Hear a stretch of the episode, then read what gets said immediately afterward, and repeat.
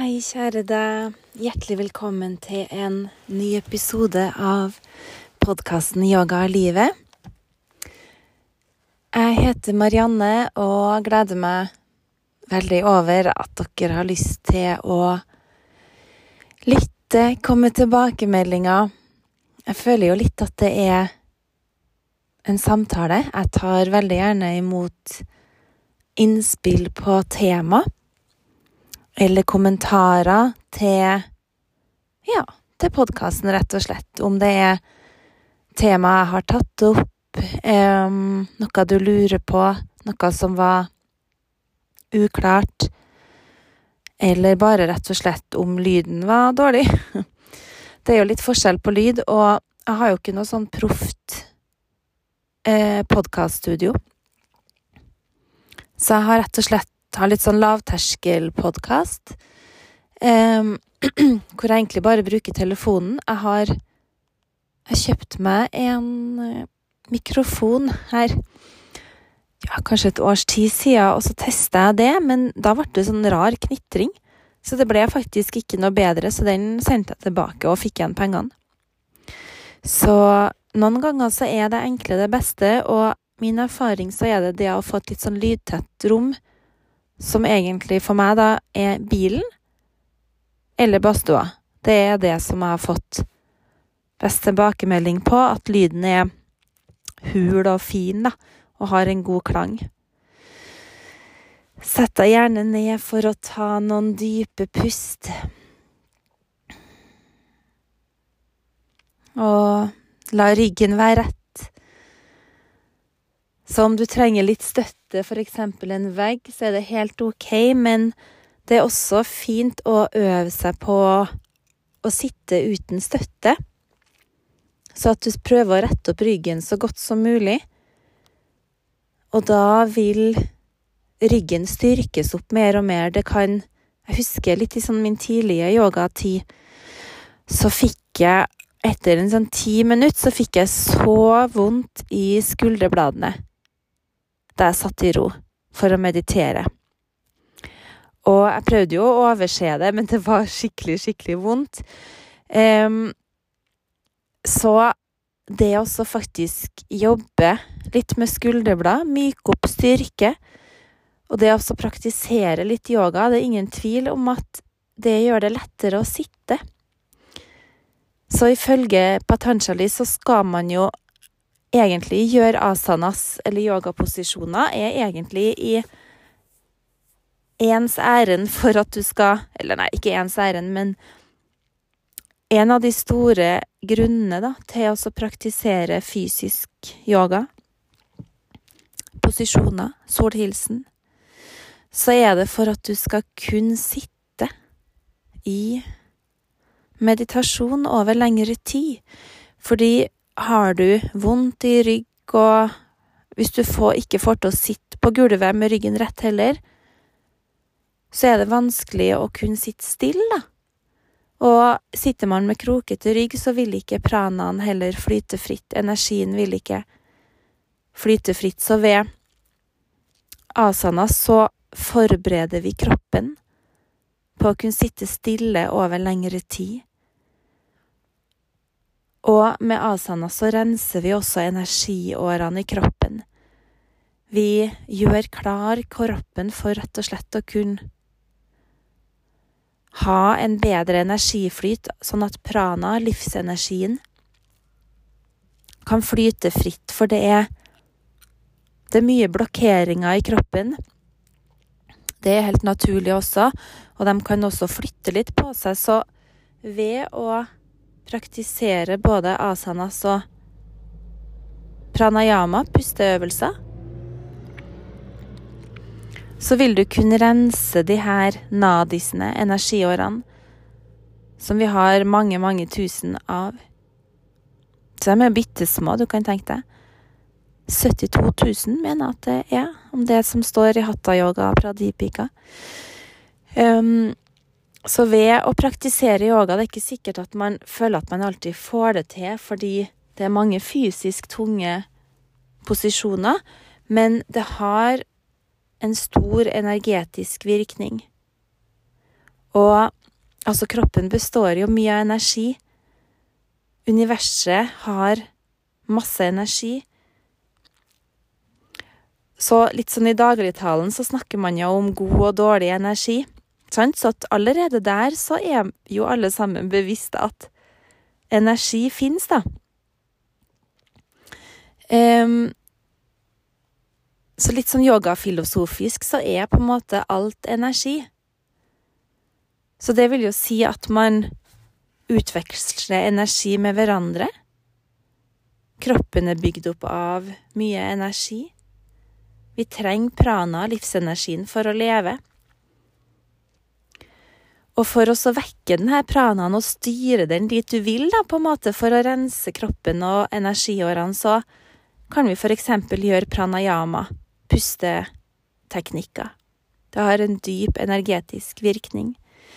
Men en annen ting òg, da, som en enkel ting på en måte, men dog så vanskelig, for å så høyne energinivået ditt litt, eller for å rense energien, så sier toltekerne at man skal være ren i ord. Og hvis du er ren i ord, så er det nesten det eneste du trenger, og det vil jeg si at henger litt sammen med Bhagavad Gita, som sier at man skal være god og Gjør godt, vær snill med andre, rett og slett. Og det med å være ren i ord, da. At du sier fine ting til folk. Og også da i tankene dine, at du tenker fine ting om folk. Så det kan være veldig lett, men det kan også være vanskelig, for plutselig kommer det en tanke Åh, for en idiot, sant? Det kan være i trafikken òg. Bare forbaska idiot. Um, det er lett å tenke, og hvis noen sier at 'nei, jeg tenker aldri dårlige ting om andre', da tror jeg deg ikke. Sorry, ass. For det er menneskelig, og det betyr ikke at du er slem for det. Det er tanker, og når det er sagt, da, så er jo det bare tanker. Det betyr ikke at de er etablert i det. De kan være det. Så da kan det kanskje være lurt å jobbe litt med tankemønstrene for å prøve å bli litt renere i ord og tanke, da. Eh, men at det kan komme en zopp tanke forbi for at man blir kanskje litt irritert på en person, eller Ja. Det er helt menneskelig, men så lenge du er bevisst det Så lenge du er bevisst det, og kanskje prøver å tenke litt bedre neste gang, da.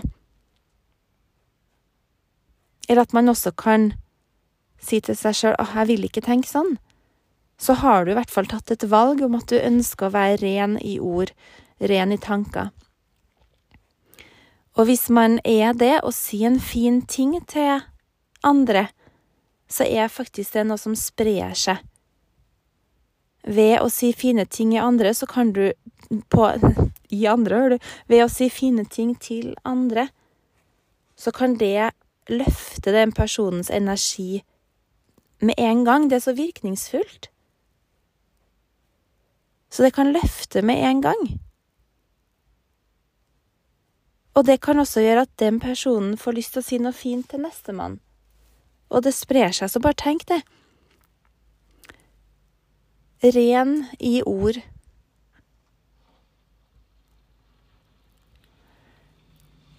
Så det er den første leveregelen til toltekerne.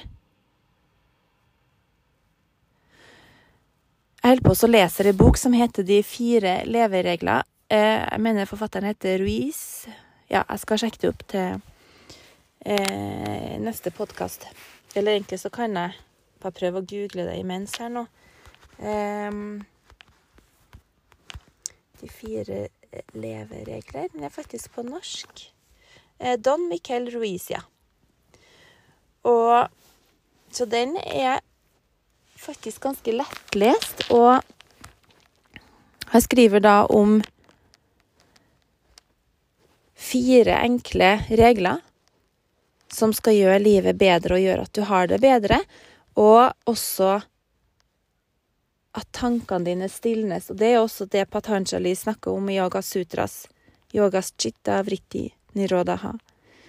Yoga er å få vrittisene, tankene, til å stilne. Så den første leveregelen da er ren i ord. Og hvis man er ren i ord, da, så vil også det spre seg i deg selv. Ved å si fine ting og tenke fine ting, så vil det også høyne din egen energi.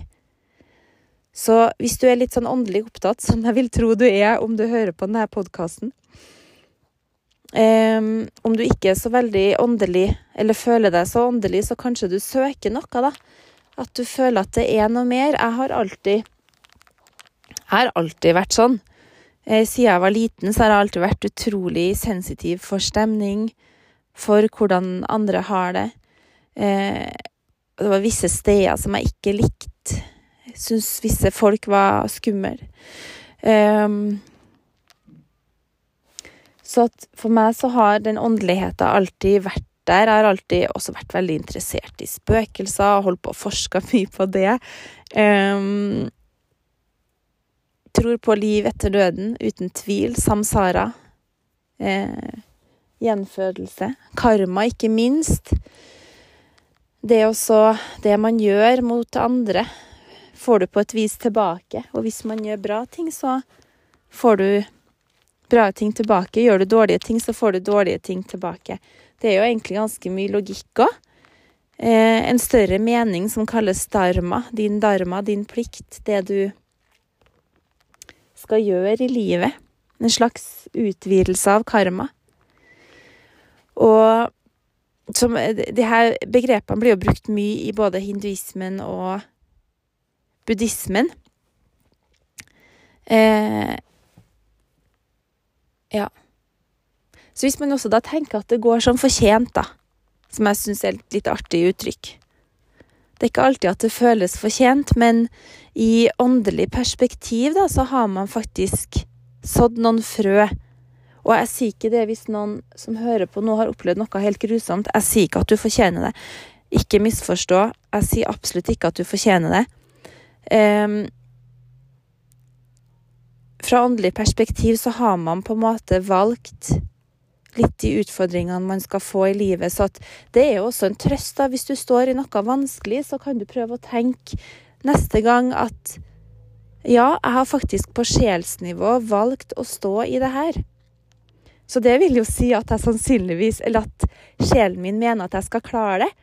Så da kan du jo si til deg selv at ja, men jeg har jo valgt det, så da betyr jo det at jeg egentlig skal klare det. Og kommer til å komme meg gjennom det her, da. Um, så noen ganger kan man jo også tenke nei, seriøst, nå får det sannelig være nok? Har jeg virkelig valgt det her livet? Har jeg valgt så mye motstand? Ja, kanskje du har det, faktisk. Fordi da renser du karma, og du renser også karma for fremtidige generasjoner. Så kanskje har du valgt akkurat denne motstanden, sånn at kanskje dine etterkommere eller dem rundt deg skal slippe. Så tenk litt på det. Kanskje du har valgt det for at du vet at du er sterk nok. Og ja. Så er det motstand. Tenk litt på eh, fra denne sida at det kan være rett og slett en erfaring, og at du får den for å bli bedre. da, At du får den der motstanden for å rense eh, deg, selv, deg selv. Og det er også lov å innrømme at fy søren, det er så tungt å stå i det her nå. Det er så tungt. Fordi man kan ikke bare løpe fra det og si nei, nei, nei, det går bra. Da smeller det på et tidspunkt uansett. Heller bare prøv å stå litt i smerten, tror jeg, da. Og innrømme at det er så tungt nå. Men det går over. Det går bra. Jeg vet at det går bra. Så husk på at vi har hverandre å støtte oss på. Og vi har ting å støtte oss på. Yoga, ikke minst. Yoga er jo en stor støtte i livet. I yoga er det mange teknikker for å stresse ned kroppen, for å få hodet til å være stille. Det er teknikker for å rense kroppen for å ha bedre helse. Altså, ikke nok med det, yoga er jo artig. Altså Jeg blir oppriktig glad av å praktisere når jeg er på klasser. og bare får fortalt hva jeg skal gjøre, og praktisere sammen med andre. Det gir meg en enorm glede og en følelse av tilstedeværelse, og at det er noe som er ekte, da.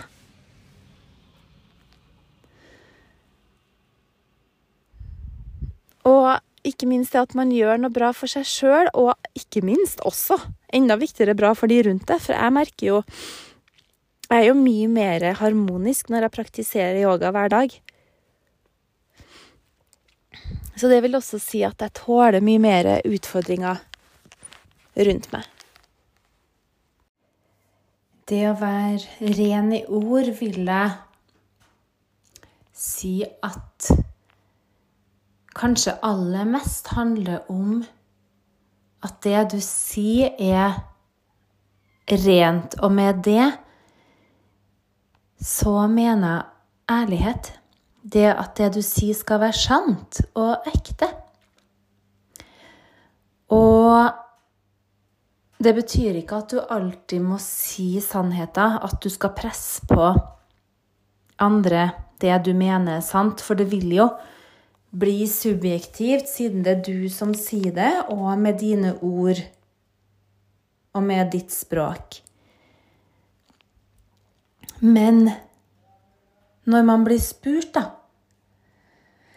Hvis noen spør deg om en ærlig mening, så spørs det jo litt måten du sier det på, sant? For at ahimsa-begrepet kommer jo også inn, det å ikke såre. Og hvit løgn tenker jeg også er Det er så mye kjærlighet i hvite løgner. Um, men i yogafilosofien òg så sier man jo at man skal praktisere satya, som er ærlighet. Og så sier jo da toltekerne at du skal være ren i ord, som er den første leveregelen. Eh, toltekerne var et gammelt eh, folkeslag, eller en gruppe med lærde vitenskapsmenn i Mexico flere tusen år sia. Og eh, den tradisjonen deres den var på en måte litt hemmelig og ble undervist fra mester til lærer eh, til elev, rett og slett. Også sånn som yoga tidligere ble undervist. Det var fra mester til elev, og du måtte gå til en mester for å lære teknikkene. Og det har jo også en veldig god hensikt. Og nå har jeg, okay, nå har jeg en liten kattepus som står utafor og roper etter mammaen sin. Hun er som mamma dalt, Hører dere? Og hun, er, hun ble født 19.11. Og hun vil veldig gjerne at mamma skal komme, så jeg må egentlig bare ta en pause. Eh, hun følger etter meg overalt, nemlig, og nå satt jeg meg inne i badstua for å spille inn litt podkast, men hun står og roper. Hun har gått inn på badet her nå og står og roper utafor badstuedøra. Jeg måtte bare gå ut og så løfte litt og snakke litt med henne. Så nå har hun roa seg, så får vi se hvor lang tid det tar. Om hun står og roper etter mammaen sin igjen. Um, ja, så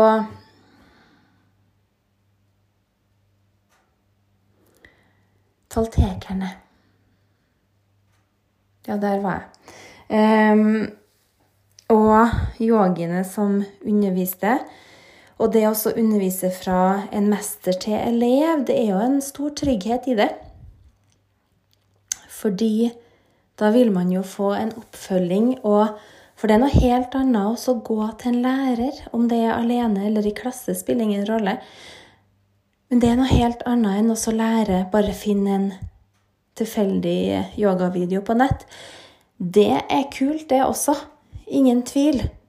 Men det er noe med den der direkte kontakten, fysiske kontakten også, og det å være i samme rom, eller å ha en på en måte som kan følge deg opp litt, da.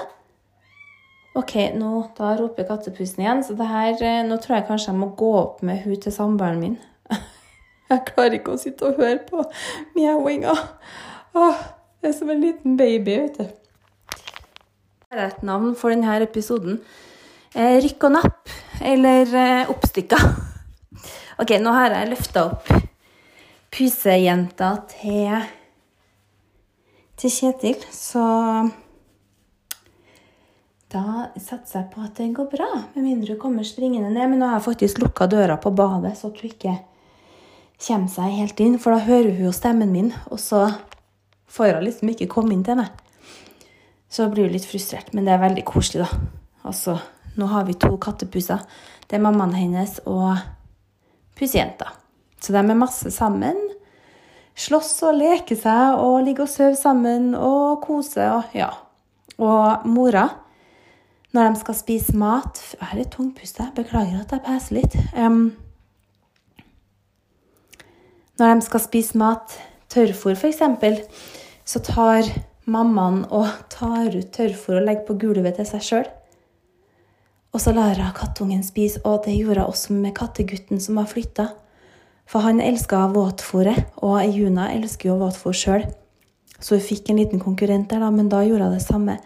Så tok hun labben sin så tok hun ut en sånn klump med våtfòr og la på gulvet, og så spiste hun. Og bare sånn Og vet du, jeg bare Det der, det er mammaer i et nøtteskall. Det er jo sånn vi gjør. Og det er så rørende å se på. Ok, så det å være eh, ærlig da, og ren i ord, som eh, yogatradisjonen og toltekerne bl.a. snakker om og det står jo også i, eh, i de ti bud. Det at man skal snakke sant. Og være redelig og ærlig og ren i ord. At det du sier, skal være ekte. Og det som er tingen da, er jo at ja, jeg tenker på en måte at du skal ikke si noe med mindre du har noe positivt å si. Og det står jeg for. Samtidig så må jeg jo også si at noen ganger så er jo det du skal si, du vet det kommer til å såre noen. Du vet at det du skal si, la oss si at det er en tilbakemelding som det er viktig å få sagt. da.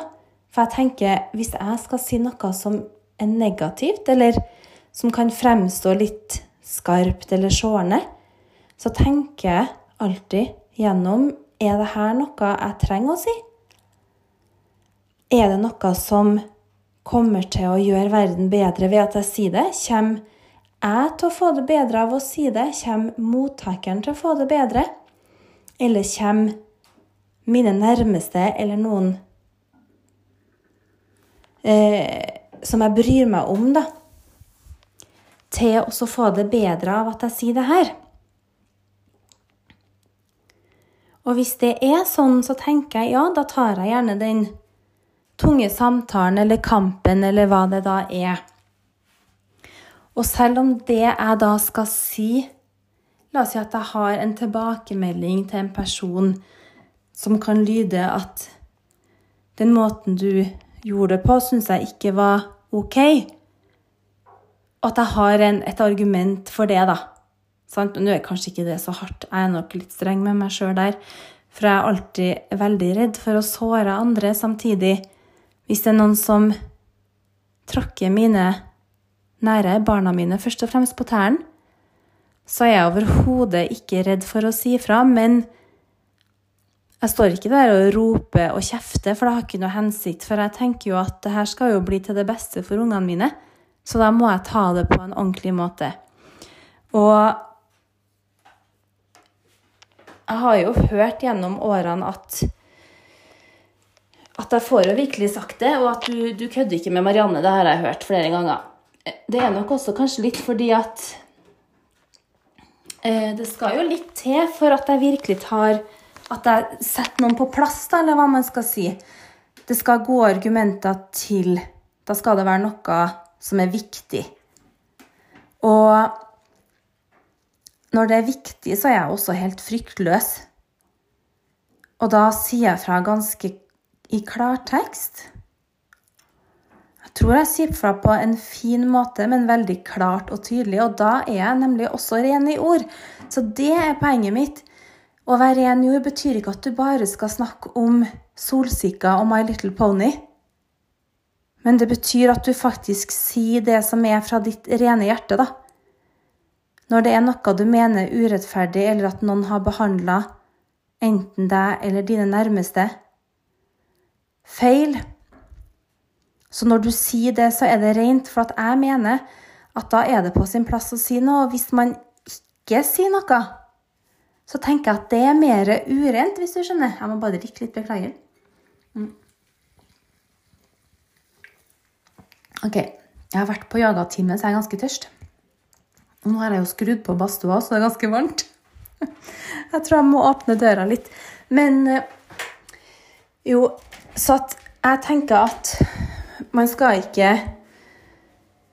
unngå å si noe som kan fremstå litt negativt, eller komme med en tilbakemelding. Da. La oss si at noen har vært ekkel med ungene dine. Så jeg tar ikke fem flate øre for å ringe foreldrene til det. Nå er det heldigvis svært sjelden at jeg har trengt å ta de skrittene, men da tenker jeg at det som er rent, er da å forsvare ungene sine. Hvis man ikke tør å ta den samtalen, eller er veldig konfliktsky Jeg vet at mange er det, men jeg tenker at man gjør det jo for andre. Og da tenker jeg at det er Da er du ren i ord. For husk på at du er jo også en beskytter for mange av dine nære. Og noen må tørre også å ta den samtalen. Så det er ja. Samme hvilke konsekvenser det kan føre med seg, selv om man også kan tenke gjennom hva kommer ut av det her. Jo, eh, stor sjanse for at det kommer noe veldig bra ut av det. Og det som også gjerne skjer da, hvis man sier ting på en fin måte, at man legger det frem på en fin måte og med respekt. Og hvis man legger det frem helt rent, uten så masse krimskrams og innpakninger, men sier det litt sånn tydelig og klart med en myk og rolig stemme, så blir det ofte tatt godt imot av mottakeren for at du er såpass ren i ordene, da. Og da får man en fin samtale. Da har begge, eller om det er flere som snakker sammen, trenger ikke å ta frem sverdene sine for at man kanskje ikke føler seg angrepet.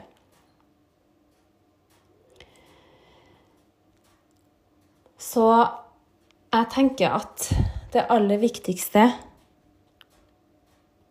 med den leveregelen ren i ord, så er det å være ærlig hele tida.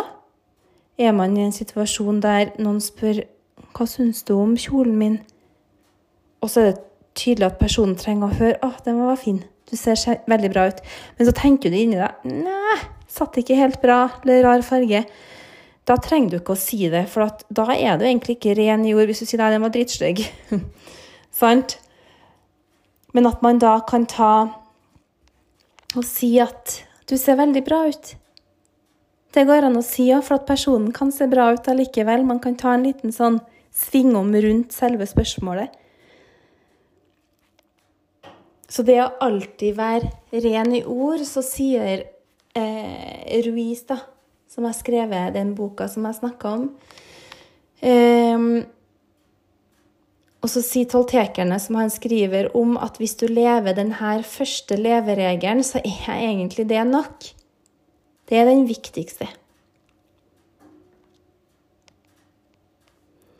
Så kom gjerne med tilbakemeldinger. Hvordan er din erfaring med å være dønn ærlig? Altså, bare prøv. Hvis du ikke er så god på det. Hvis du ikke tør. Prøv litt og litt. Kanskje i en uke eller to. Prøv å være fullstendig ærlig med deg selv og andre og se hva som skjer. For da, kjære, kjære deg, så kan det nemlig skje underverker. Det kan skje store, fine ting hvis man er ærlig. Ha en nydelig dag, kjære deg. Stor klem.